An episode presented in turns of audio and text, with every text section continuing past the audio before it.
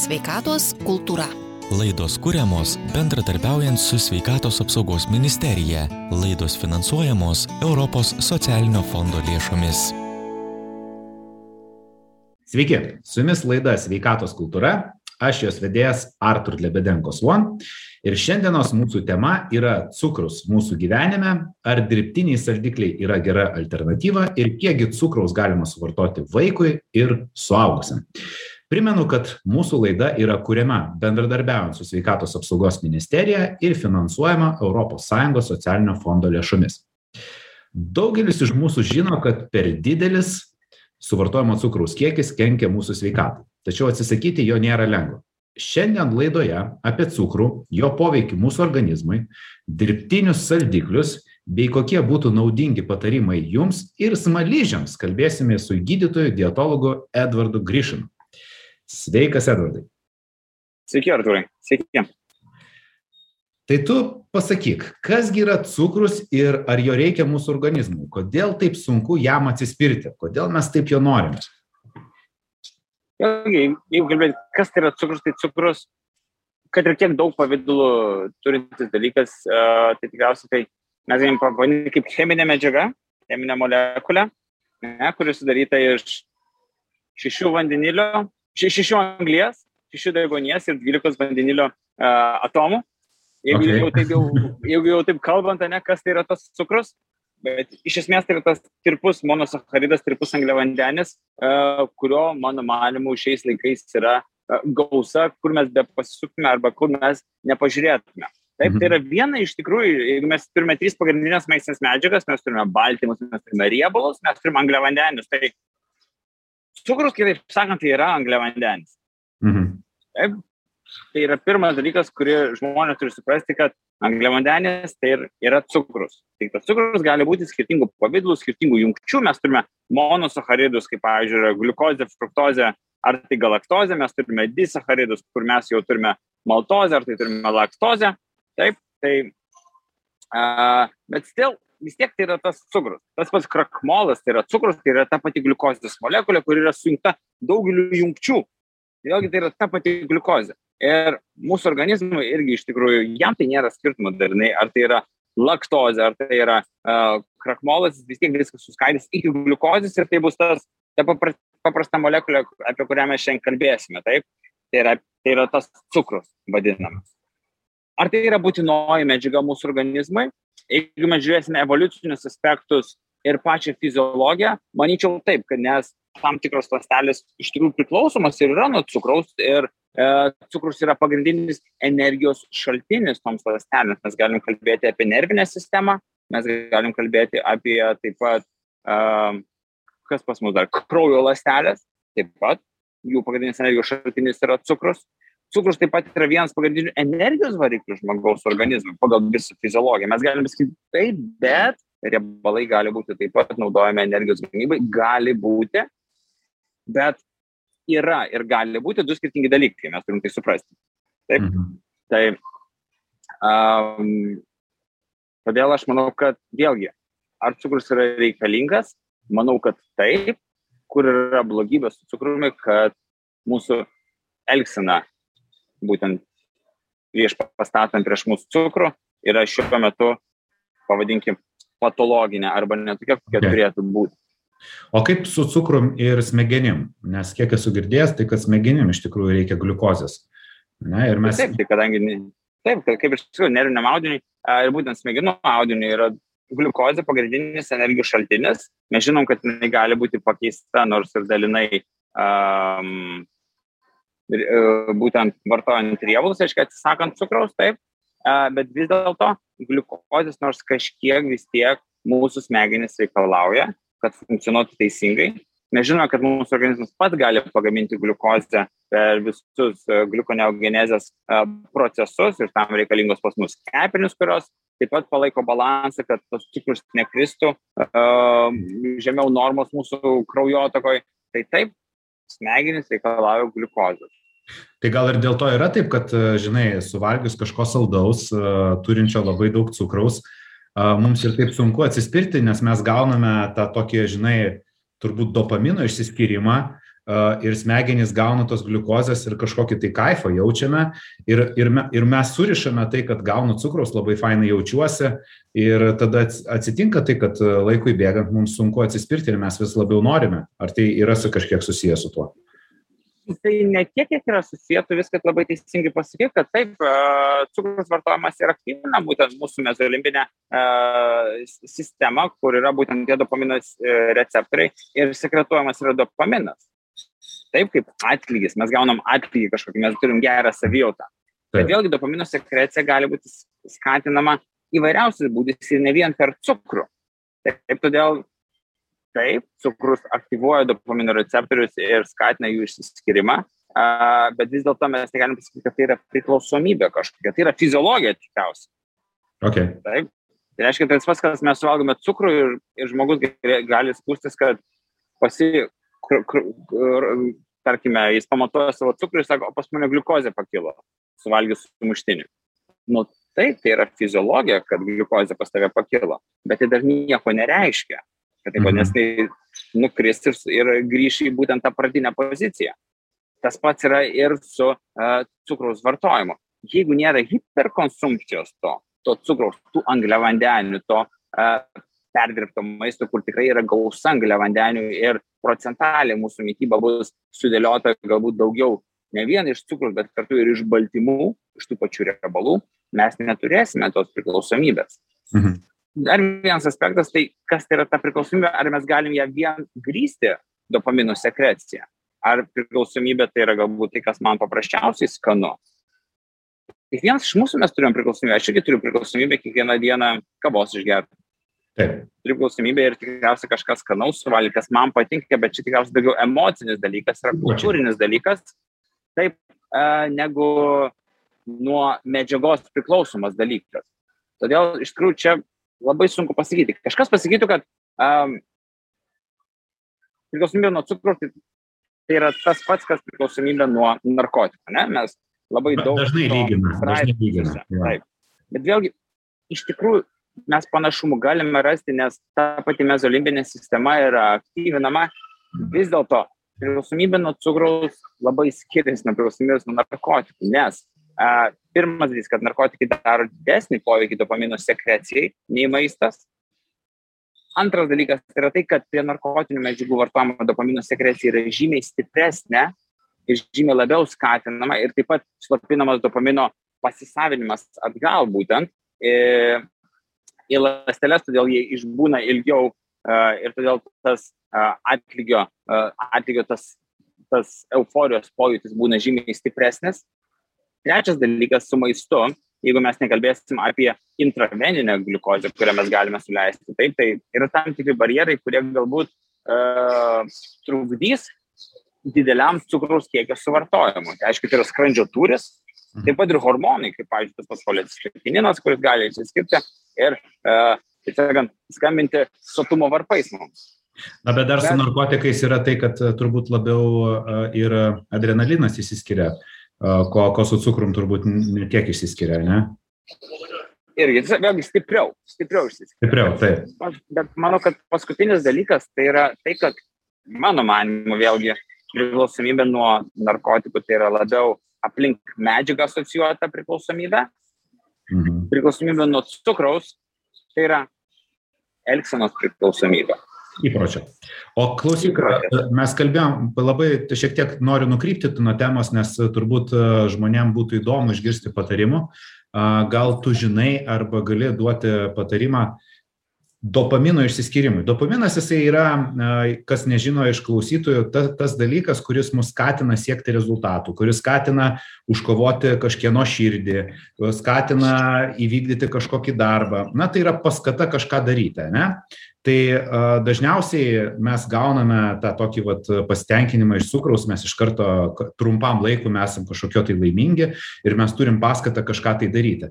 Gal galima kažkaip tai išoriškai ir kitaip dopaminą užkelti kad nereiktų vartoti cukraus arba išvis maisto o kitų būdų kažkokių yra kad gauti panašų rezultatą? Um, tikrai galima, tikrai galima ir vėlgi čia tikriausiai nuo žmogaus priklauso, kas jam duoda tą pasitenkinimą tai gali būti sportas, tai gali būti šaltas dušas. O. Tai kas, kas sukelia tą jaudulį. Tai gali būti siekimas kažkokių tikslų savo versle. Arba tai gali būti e, žmogiški malonumai. Pavyzdžiui, seksas. Ok, supratau. Tai uh, vienas iš tokių, kas dabar populiarų šaltas dušas, sportas, va, bičiuliai. Uh, vietoj cukraus į dušą ir cukraus nebereikės. Ok, o... Bet uh, išbandykite, tikrai, čia tiesą, tiesą pasakėjai. Kaip nukreipti, kaip nukreipti būtent tą norą nuo cukraus? Padarykite tai, ko niekada nebūtume darę, pavyzdžiui. 20 atspaudimų padarykit, grįžę namo po darbo, susinervavę, padarykit 20 atspaudimų, 30 padarykit. Pamatysite, kad jūs prablaivėsit. Nes mes dažniausiai grįžtame, kaip aš sakau, kiek girti, emociškai girti grįžtame. Mhm. Reikia nukreipti mūsų dėmesį į kažko kitą veiksmą. Pakeisti. Kažką. Pakeisti aplinką, greitai kažkokį veiksmą. Ar tai bus dušas, ar tai bus kažkokia veikla, ir mes iš karto persiprogramuojam ir jau to noro, to tokio aršaus ir stipraus mes tikrai neturėsim. Man asmeniškai labai padeda vaikščiojimas. Jeigu, pavyzdžiui, matau, kad kaip ir nesenai esu pavalgęs, bet jaučiu kažkokius kreivingus ir norą vėl kažką tai užkandžiauti, kažką saldaus suvalgyti, aš tiesiog išeinu pasivaikščioti ir praėjęs 3-4 km aš jaučiu, kaip man tiesiog nusiramina ir aš jau nebenoriu. Ir viskas, ramu. O jeigu, o jeigu dar iš paskos tavęs aš paleisčiau šunį, Dar adrenalinas užkiltų. Na jo. Ar galėtum pasakyti, vat, ar tas cukrus iš tikrųjų mums jo reiktų vengti, ar jisai turi kažkokį tai blogą poveikį mūsų organizmui, taip kaip dažnai traktuojama visuomeniai, ar visgi proto ribose galima tą cukrų vartoti ir gal, na, kaip mes sužinojom, kad reikia vartoti ir galima vartoti, bet ar jisai yra kenksmingas tiek, kiek mes skaitome, girdime ir panašiai. Um, hiper, hiperkonsumpcija bet kokios maistinės medžiagos gali būti kenksminga. Uh, tačiau ne, nepaisant to, kad ir kalbame, kad cukraus reikia riboti, tikriausiai mes pirmiausia turime atskirti. Tai yra riboti mes privalome to pridėtinio cukraus. Taip? Tai yra pirmas dalykas. Natūralaus cukraus, kuris yra pas mus grūdinėse kultūrose, vaisiuose, um, mes riboti neprivalom. Tai pieno produkcija taip pat turi šiek tiek cukrus laktozės. Va, tai, tai yra produktai, kurie tikrai yra akcentuojami ir propaguojami ir todėl tikriausiai nebus nuostaba, kad ir visose mytybos rekomendacijose angliavandenių suvartojimas yra kol kas, sakant, lyderis pagal procentalę išraišką, nes jų rekomenduojama suvartoti apie 50 procentų. Bet turbūt čia yra priežastis ne tik tai tame, kad pačio kaip ir angliavandenių reikia, bet angliavandenių ir lasteliena, taip. Taip, būtent, nes tas cukrus, kuris yra uh, tose produktuose, jis eina ne vienas. Kuo jis skiriasi, kad jis yra ne vienas. Mes su juo gauname ir gausą vitaminų, mes su juo gauname ir skaidulas, polifenolius, antioksidantus. Mhm. Todėl mes negalime išskirti angliavandenių kaip grinai cukraus iš tikrųjų net nežinau, kur žmogus naudoja vien tik cukrų kaip cukrų. Tai, uh, tai vėlgi, tai, ką mes matom iš epidemiologinių tyrimų, kur, kurie remiasi žmonių žodžiais surinkta informacija, mes turime vertinti, mano manimo, labai kritiškai ir nedaryti vienareikšmių kažkokių išvadų iš to. Taip, iš tikrųjų labai retai yra tokių tyrimų, kur būna labai kontroliuojami uh, būtent tyriamieji, kad ten būtų ir gyvenimo būdas kontroliuojamas, ir fizinis krūvis, ir visas, visas režimas. Ir dažniausiai tiesiog iš anketos būna surenkami duomenys, kur žmonės yra linkę kartais ir pameluoti arba kažko tai nedasakyti. Na, bet. Neprisiminti. Arba... Tu, net jeigu tu paklaustum savo, savo bent vieno klientų, vis tą klausim. Uh, ok, ką valgėte vakar? Ir žmogus neprisimena ką jis vakar valgė. Ką mes kalbėsime apie savaitę. Taip, taip, taip. Tikėtina, kad ir, taigi galim pagal save pažiūrėti, kad tikrai, jeigu prieš tris dienas pagalvotume, ką valgėm, jau neprisimenam. Dėl to visą laiką rekomenduojama rašytis, sekti, kai kurie juokiasi iš to, bet tai labai padeda. Atsekti savo, netgi kartais savijautą po to paties cukraus suvartojimo, kaip tu jautiesi, ar gerai mėgoji, ar ryte gerai jautiesi, palsėjęs ar ne, yra tam tikrų niuansų. O jeigu mes šiek tiek tiksliau pažiūrėtume į šitą visą dalyką ir kaip supratome jau, kad natūralus cukras yra ok, viskas su juo gerai, bet pridėtinis cukrus, kiek mes galime per dieną suvalgyti pridėtinio cukraus, tiek, pavyzdžiui, suaugęs ir vaikas, nes turbūt skirsis kiekiai, būtent pridėtinio cukraus. Iš tikrųjų, kad ir kas liečia pačius vaikus ir suaugusius, tai rekomendacijos yra labai panašios, iki 10 procentų. Nuo bendro energijos suvartojimo rekomenduojama suvartoti cukrus, tai kiek yra? 20-25 gramai okay. per dieną. Um, bet vėlgi, tai yra ne tiek, kiek galim, mes galim ir daugiau suvalgyti ir nieko mums neatsitiks. Manau, kad jeigu tai bus vienkartinis dalykas, bet tokios yra pasaulinės rekomendacijos, uh, tam tikrose šalyse tos rekomendacijos yra dar griežtesnės, uh, pavyzdžiui, toje pačioje Didžiojoje Britanijoje, uh, ta rekomendacija yra sumažinta iki 5 procentų. Ok, tai čia gal pagal nutukimo procentą šalyje tiesiog bando taip kažkaip tai a, apsaugoti pačius žmonės, jau jiem pakeisti įpročius. Galbūt, galbūt bando, bet tendencijas mes vis tiek turime blogas. Mhm. Nu, labai sunku įpročius išmušti žmonių. Pažiūrėkime, pažiūrėkime į statistiką Amerikos. Amerikoje nuo, nuo 2017 metų cukraus suvartojimas sumažėjo beveik dvigubai. Jis net dabar pasiekė vos ne 90 metus pagal cukraus suvartojimą. Vice versa, nutukimo procentas toliau auga. Ok, tai reiškia visiškai nesusiję dalykai.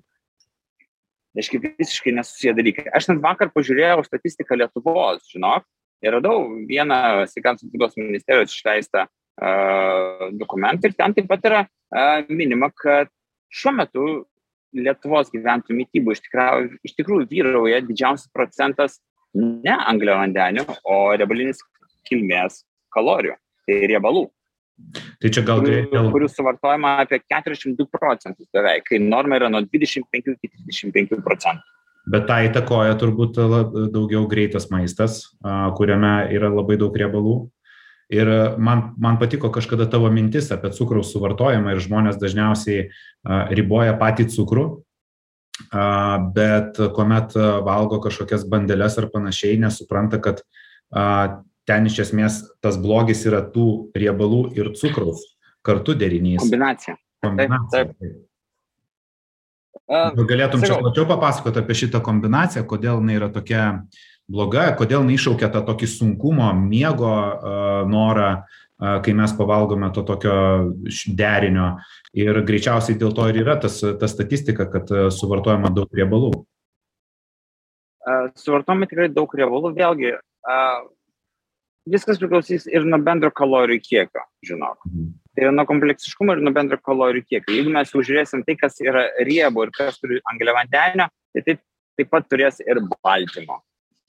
Ir mes žinome, kad visiems trim, trim maistinėm medžiagom suvirškinti tikrai mūsų organizmas privalo įdėti labai daug pastangų. Nuo bandelės niekas nebus apsunkęs. Mhm. Apsunkęs bus žmogus suvalgęs kepsnį su bulvių košė. Mhm. ten jau apsunkimas bus didesnis. Tai vėlgi vis, viskas priklausys ir nuo porcijos ir, aišku, nuo individualių žmogaus gebėjimų virškinti maistą. Mes žinom, žinom tikrai labai daug pavyzdžių ir atletų su tavim, kurie gali pavalgyti prieš pat fizinį krūvį ir eiti sportuoti.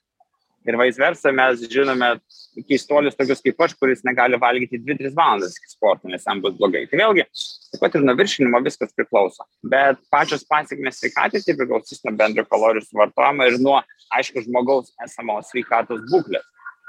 Mhm. Taip, tai bus, tai bus svarbiausia. O dabar uh, labai įdomiai tu palėtei sportininkus ir dažnu atveju būna internete matoma, kai sportininkai dalinasi, kurie yra labai fiziškai aktyvus, dalinasi savo cukringais visokiais ten patiekalais, ten kažkokiais blineliais su ogienėm, ten spurgom ir taip toliau. Ir tada sulaukia labai daug kritikos, neva tugi sportuoja, kaip tu gali tai valgyti.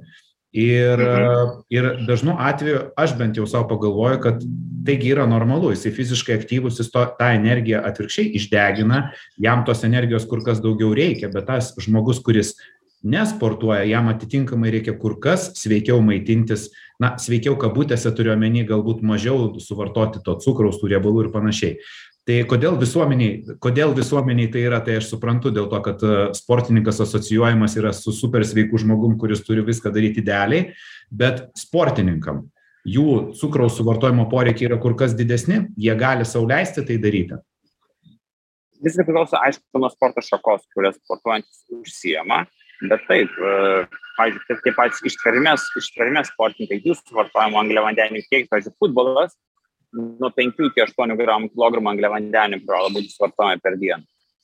Taip, tai yra labai didelis skaičiai, jeigu mes paskaičiuosime. Ir net pagal visas statistikas retas sportininkas tiek net suvartoja tų angliavandenių. Ir vėl, kodėl jie sveikai maitinasi, nes jie maitins pagal žmogaus, mano manimo, fiziologinius poreikius. Kadangi angliavandenis tai yra pagrindinis ir geriausiai utilizuojamas pasisavinamas energijos šaltinis mūsų raumeninio audinio, mes turime juos ir akcentuoti, nes nuo to priklausys jų fiziniai gebėjimai.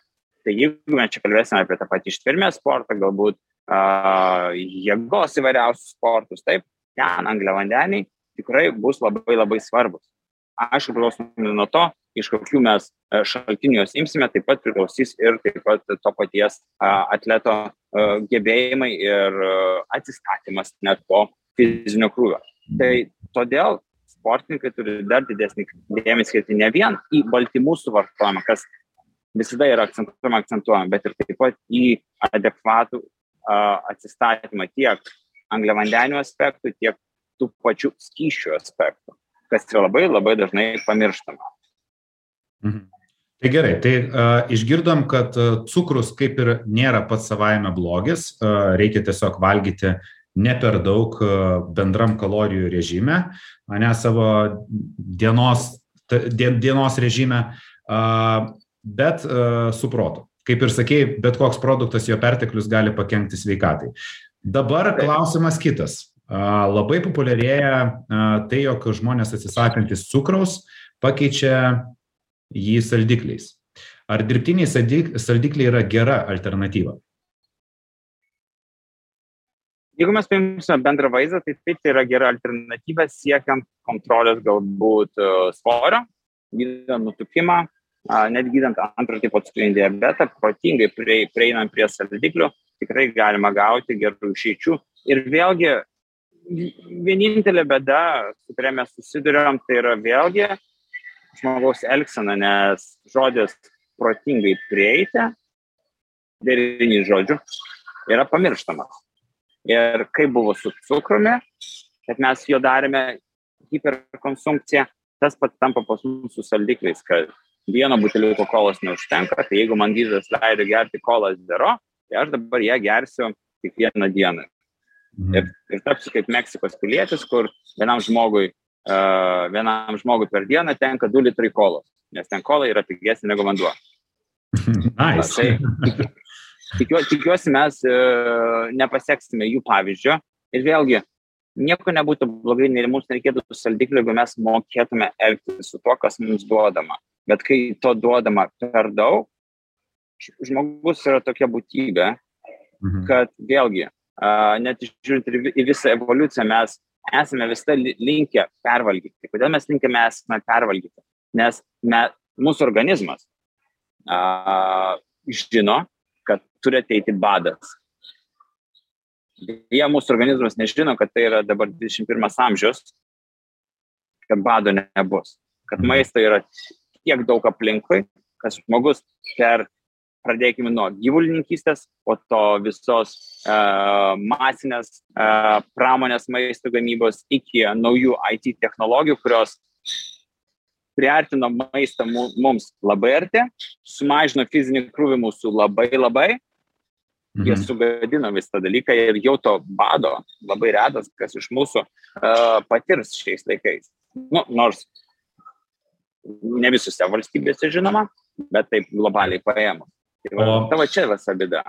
O tada klausimas kitas. Jeigu yra perteklinis saldiklių vartojimas, kaip žinoti, kad jau saldiklių yra per daug tavo mytyboje? Nes, na vis tiek, saldiklis neturi kalorijų, ne? tai automatiškai Taip. žmonės tų produktų linkia padauginti, nes kaloringumo neturi, reiškia bendram dienos kalorijų plane įtakos neturi, tai reiškia galiu daugiau išgerti kolos, galiu pasiskaninti saldiklių košę, varškę, taip toliau ir viskas saldus skanu bet požymiai, kada jau to saldiklio per daug. Ką žmogus turi pajausti, kad suvokti, kad, o, o, jau kažką, jau aš gal persistengiau. Jeigu, jeigu mes eisim į alkoholio cukrų, kaip ten ksilitolis, pavyzdžiui, tai, tai tikriausiai pajaus viduriavimą. Mhm. Vienas iš tų dalykų. jeigu mes imsime į tuos uh, be kalorijus visiškai taip, kaip mes galim kalbėti apie Sukralozę. Sukralozę, taip, tą patį e, steviolio glikozidus, taip, kurie yra itin populiarūs pas mus. Tai vėlgi, aš nemanau, kad žmogus kažką pajaus. Ir tikrai nėra požymio, kaip atskirti, kada bus to saldiklio per daug.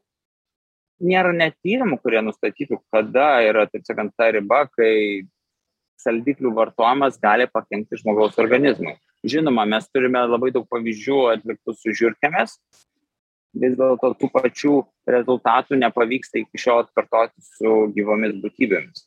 Arba mes žinome, kad hiperkonsumpcija reiškia superdozės, kurios yra super, taip sakant, virš leistinų net a, pasaulio rekomendacijų duodamos žmogui ilgainiui gali sukelti padarinių kaip glikemijos sutrikimai, jautrumas insulinui, e, sutrikęs bus, mikrobiotos sutrikimai bus taip, dėl ko gali pasireikšti didesnis oksidacinis stresas ir svorio prieaugis yra galimas. Tai, tai kokie tai, čia kiekiai, koks čia kiekis turi būti? Bet vėlgi, bet vėlgi, aš, vėlgi, čia mes prieinam prie dalyko, kad tai, nu, čia tas pats, kad aš duosiu, nežinau, po 20 bandelių per dieną suvalgyti žmogų. Ar kažkas normaliomis sąlygomis tai gali padaryti? Aišku, ne. Taip, tai bus vienetinis, bet, nu, biologinė atranka turi vykti, tai okay. taip, taip ir būna visada. Todėl aš tikrai nesu prieš saldiklius, tačiau aš esu už tai, kad žmogui būtų paaiškinta, kaip racionaliai jais vadovauti. Na, aklai nevalgyti visą dieną su viskuo. Tiesiog. Žinoma, vis tiek tai turi būti ribojama. Gerai, mes pakeičiam paprastą cukrų saldikliu, norėdami, kad tu gertum mažiau vaisvandį ir sumažint, pavyzdžiui, savo kūno masę. Tai dabar aš tau net nesumažinu ir, pavyzdžiui, neišmetu visiškai vaisvandį iš tavo mytybos raciono, mes juos dabar titruosim ir mažinsim, kad tau būtų lengviau prisilaikyti maitinimuose režimo ir kad tu man po dviejų savaičių nenutrūktum, jeigu mes matom, kad kitaip neįmanoma. Mhm. Po to mes jau vėl mažinsim, mažinsim, kol galbūt galiausiai jų atsisakysim. Okay. Mhm. Mes turim prieiti prie to praktiškai. Gerai, na, o jeigu kalbėsim apie natūralų cukrų, ar kaip ir kalbėjom, vaisiai, pienas, turintis natūralų cukrų, ar šios produktus reiktų kažkaip tai riboti? Ar valgyti sėkmingai? Žinoma, viską, vis, viską reikia riboti. Valgyti sėkmingai riboti tas pats, riboti reikia. Mhm. Nėra ne vieno produkto, mano maniu, negalim, žmogui tu gali valgyti kiek nori, ką nori. Nes mes tai labai suprantam tiesmukiškai. Nu taip, nes girdim, taigi čia vaisiai, čiagi sveika. Taip, tai sveika, tai aš galiu valgyti kiek noriu ir galiausiai po to gali baigtis blogai. Taip, mhm. todėl viskas turi tam tikras savo ribas, bet, tarkime, tų pačių vaisių daržovių ribojimas. Aš neribočiau daržovių ir vaisių vartojimo, bet nesupras mane dabar blogai, nes a, vėlgi, jeigu mes žiūrėsime statistiką, tai tik kas antras žmogus Lietuvoje suvalgo nors vieną porciją vaisių ir daržovių per dieną, o tik kas dešimtas suvartoja jų apie 400 gramų, todėl čia ribojimo aš negaliu pastatyti. Tačiau ribočiau kitą dalyką, tai visą tą pramoninių būdų pagamintą maistą. Mhm. Riebų, su čiaisiais riebalais turtingą maistą, kurio yra gausa visų kavinių meniu, dienos pietų meniu pasiūlose. Taip. To naminio maisto turi būti pas mus šiek tiek mažiau. Kodėl? Nes ta maisto pasiūla pas mus yra tokia plati dabar, kad mes neapsiribojame trimis valgymais. Maistas pas mus būna mūsų kultūrai kiekvieną dieną ir ne tris kartus, o šešis kartus, o kartais dar ir daugiau. Va kur visa bėda. Plius užkandžiai. Per dažnai. Būtent. Užkandis tai irgi maistas. Nu taip, valgys. Čia tai pastatom taisyklę. Tai yra maistas. Vėlgi, todėl. Nu kaip čia maistas? Užkandis. Kasnis, kasnis, nu ką aš čia nevalgysiu. Tai yra maistas. Būtent akcentuoti reikia tai kaip maistas, tada mes gausime geriausią rezultatą ties savo elgsenos kontrolę kadangi aš sakiau kad mano manymu visada priklausomybė nuo cukraus tai yra daugiau elgsenos bėda aš labiau akcentuoju į pačią elgseną nes kartais aš pasakysiu okei mes galim valgyti du kartus per dieną bet mes pamatysim kad duodant žmogui valgyti du kartus per dieną žmogus tikrai gali palaikyti sveiką kūno masę jeigu jis aišku vadovausis sveikos mitybos taisyklėmis ir valgys savo kalorijų rėžį kažkokį Neperdėti. Bet kad ir bus du kartai, nu reikia dar pasistengti, kad užvalgyti daug, Mhm. Ir jeigu, taip sakant, žmogus žino nors kažkokią bazę ir turi kultūrinį įsivaizdavimą savo lėkštės, apie ką aš kalbu, elgseną, tai jis nesurinks per daug kalorijų. Okay, dabar, Nesurinks. dabar turiu tokius uh, įdomesnius kelis klausimus. Uh, kas geriau, vaisiai ar jų natūralius sultis? Vaisiai. Ok, tai reiškia, žinai, man šitas visą laiką klausimas kyla dėl to, kad labai daug kas pasuka tų sulčių a, detokso dietom visokiom, tiesiog daug sulčių geria. Ir a, iš to išplaukio klausimas, ar galima priaukti svorio vartojant daug sulčių ir daug vaisių? Nu, jeigu, tarkim, visas dienos režimas yra reguliariai toks pat, bet overconsuminam vaisių ir vaisių sulčių. Žinai, kaip būna vakare. Žinoma. Kilogramą smagiau. Taip. taip. Uh, jūs, mūsų kūne nebus skirtumo, iš ko sintezuoti riebalinį audinį. Tai Mhm. vėlgi, jeigu bus maisto perteklius, kalorijų bus perteklius, rizika, kad tai eis į riebalinį audinį. Jeigu mes to neišnaudosime, tai eis į riebalinį audinį. O dėl kokios priežasties tu sakei, vaisiai yra geriau negu sultis? Kokie ke- keli punktai, kodėl tai yra geriau? Pirmas dalykas, kad vėlgi tai yra mechaninis barjeras. E, Žmogus sunkiau suvalgys penkis apelsinus, negu išgers sultis iš tų pačių penkių apelsinų, kas bus apie 300 ml, tai yra numeris vienas. Numeris du, žmogus užtruks ilgiau valgydamas tos apelsinus ir sotumo jausmas ateis žymiai greičiau pavalgius apelsinus, negu išgerus sulčių, kas yra labai svarbu. Kartu mes su apelsinais, su visais mes gauname ir žieveles, tai reiškia mes gauname ir skaidulas, ir didesnį vitaminų spektrą, negu mes gersime sultis. Todėl iš teorinės pusės, mano manimu, vaisiai yra palankesni negu sultis, bet vėlgi yra tam tikri variausių atvejų. Jeigu mes turime žmogų, kuris, kurio svoris galbūt yra normalus, bet, pavyzdžiui, jis turi anemiją. Tai aš pasakysiu, pridėk prie savo pusryčių stiklinę apelsinų sulčių, tikrai tau bus į naudą. Mhm. Taip, tu gali kažkur dar išgerti tų sulčių. Vėlgi, nuo kontekstų priklausantis dalykas. Dėl sakau, mes nuo visko galime priaugti svorį, jeigu mes kalbame apie svorį. Mes galime kiekvienu maistu sugadinti savo sveikatą ir virškinimą sugadinti. Ok, dabar iš, Todėl ribojimas turi būti. iš to išplaukia man klausimas sportininkams skirtas. Aišku, galbūt nesakyčiau sportininkams, bet aktyviems žmonėms. Ir daugelis aktyvių žmonių visą laiką prieš sportą arba po sporto atsistatymui renkasi būtent fruktozę. Ar iš tikrųjų fruktozė, na, gali būti tai bananas arba va, ta, tas, tos pačios apelsinų sultis, ar tai iš tikrųjų yra geras pasirinkimas atsistat, atsistatyti po treniruotės arba pasiruošti treniruotėjai, o gal rinktis kažką tai kito atsistatymui, kad geriau jaustis? Vaisiai tai vienas iš būdų atsistatymą patreniruotis, bet vėlgi mes turime paimti paprastą fiziologiją. Tai yra, kad fizinio krūvio metu tuštėja glikogeno atsargas. Tuštėja glikogeno, pas mus yra du tokie rezervuarai glikogeno, tai yra kepenės ir raumenys. Bet pirmojo dalyko, kuris mano mano turėtų būti svarbesnis atletui, tai yra raumeninio glikogeno atstatymas. Raumenis, uh, raumenų glikogeną mes galime atstatyti vartodami gliukozę. Fruktozė bus daugiau naudinga mūsų būtent kepenų glikogeno atstatymui. Kepenų glikogenas taip pat yra labai svarbus, nes mes kaip ir kalbėjom, jis palaiko būtent optimalią gliukozės koncentraciją mūsų kraujotakoje. Bet vis dėlto, jeigu mes kalbėsime apie fizinį našumą, apie mūsų pajėgumą, tai glikogenas raumenyse turi būti atstatomas pirmoje vietoje.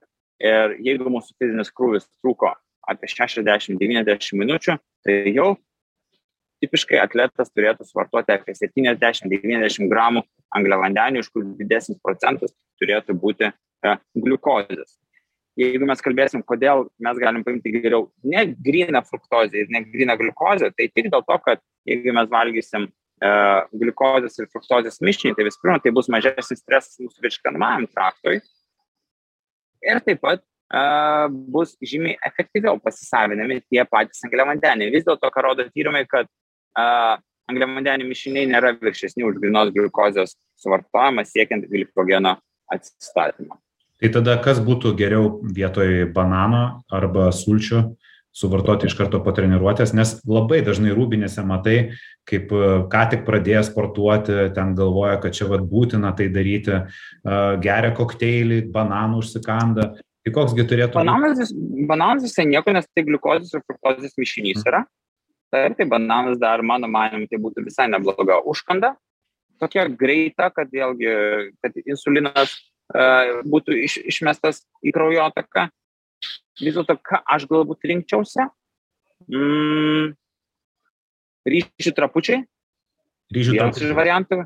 Galbūt aptepti medumi. Kitas kažkas greito. Aš mėgstu visus pusryčius labai.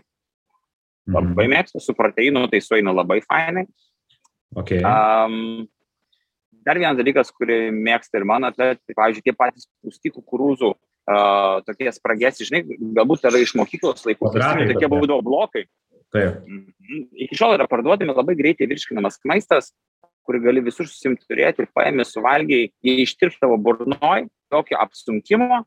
Ir sakė, jie galbūt, galbūt ir fruktozės sirupų dar yra užpilti, tai dar geriau mums. Mhm. Ir tu gauni tikrai labai greitų angliavandenių, Okay. jeigu tau reikalingas tas greitas atsistatymas po fizinio krūvio. Super patarimai. Ačiū. Na ir prakalbai apie medų. Natūralus medus. Ar tai yra geras pasirinkimas e, smaližiams vietoje cukraus? Nes iš tikrųjų dažnai mes girdime, ašgi cukraus nenaudoju, aš naudoju medus.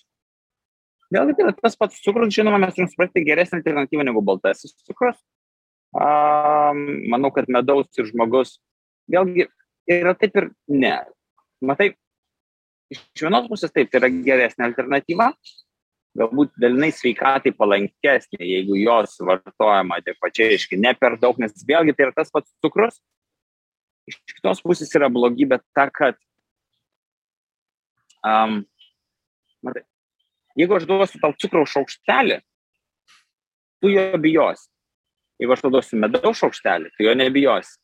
Va kur visa, visa esmė, kad žmogus rinkdamas medų gali jo pervartoti, nes jam tai atrodo saugus maistas. Tai plus dar ir skanesnis jisai, nes medaus tikrai galima. Skanesnis. Jeigu aš duosiu cukraus, sakys, o ne, ne, aš riboju cukrų, ne, ne, ne, man negalima ant cukraus. Ir vėlgi mes sueiname į visą psichologiją ir visą kultūrą žmogaus, tai kaip jis mato maistą. Bet iš esmės reikia tiesiog suprasti, kad tai yra lygybės ženklas.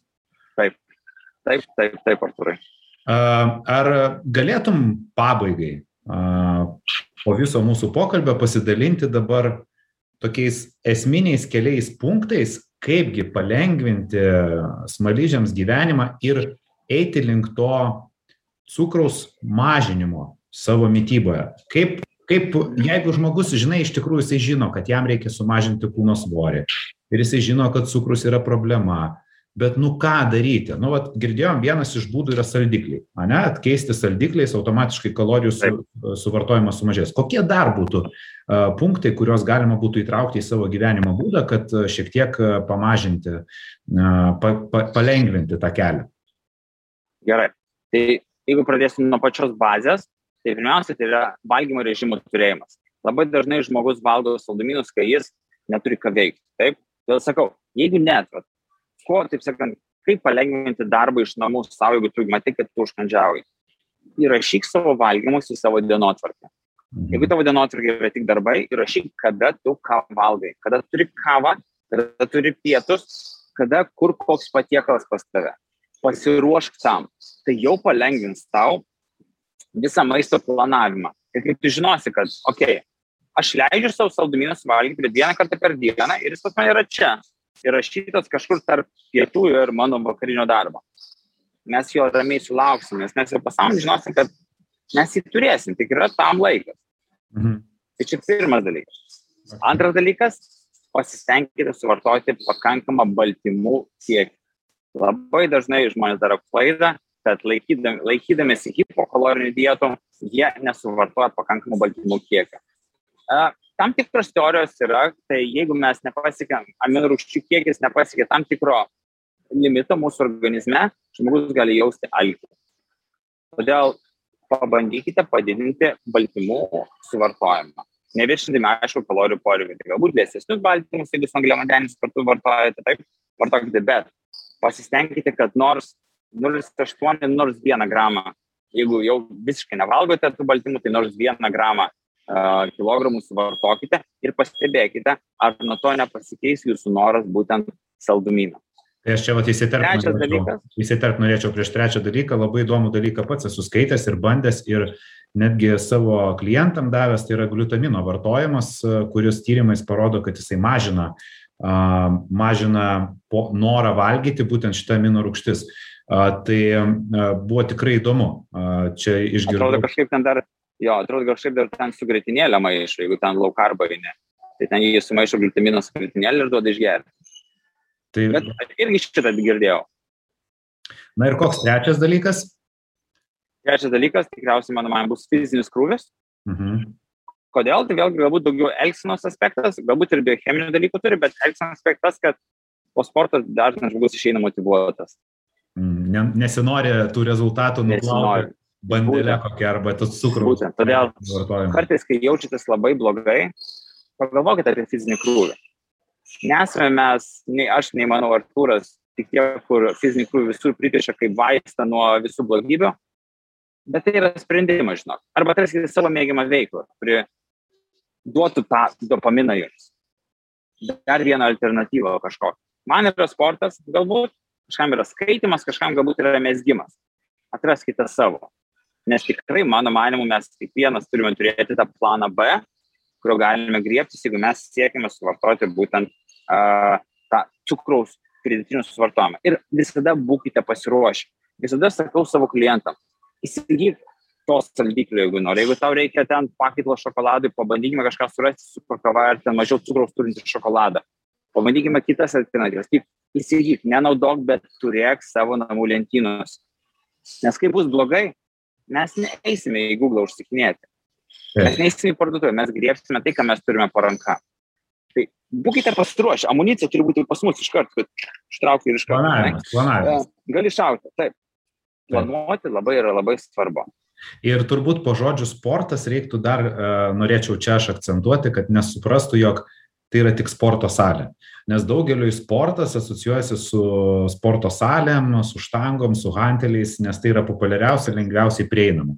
Bet uh, sportas tai yra netgi tas greitas vaikščiojimas, bėgimas, tenisas. Bet koks fizinis aktyvumas yra sportas. Ir tiesiog jeigu, taip, taip. jeigu jo norisi gyvenime padidinti, padidinti to aktyvumo kiekį, tai tiesiog atraskite mėgiamą veiklą ir nereikės dėl jos a, kaip į katorgą eiti, o jau eisite su malonumu, nes tiesiog tai jums patiks. Ir tai jau užims tą laiką, kada jūs galvotumėt apie kažkos skanaus suvalgymą. Tai ačiū Edvardai labai už tavo patarimus, ačiū už tikrai įdomų ir naudingą pokalbį. Aš manau, kad daugelis suprato kur darė savo klaidas arba žino, kur reiktų pasitemti e, būtent dabar. Tai e, linkiu tau geros dienos, žinau, kad e, skubi pas savo pacientus, tai tikiuosi, kad mes dar su tavim susitiksime. Ačiū visiems klausytojams ir visiems geros dienos. Iki. Sveikatos kultūra. Laidos kūriamos bendradarbiaujant su Sveikatos apsaugos ministerija. Laidos finansuojamos Europos socialinio fondo lėšomis.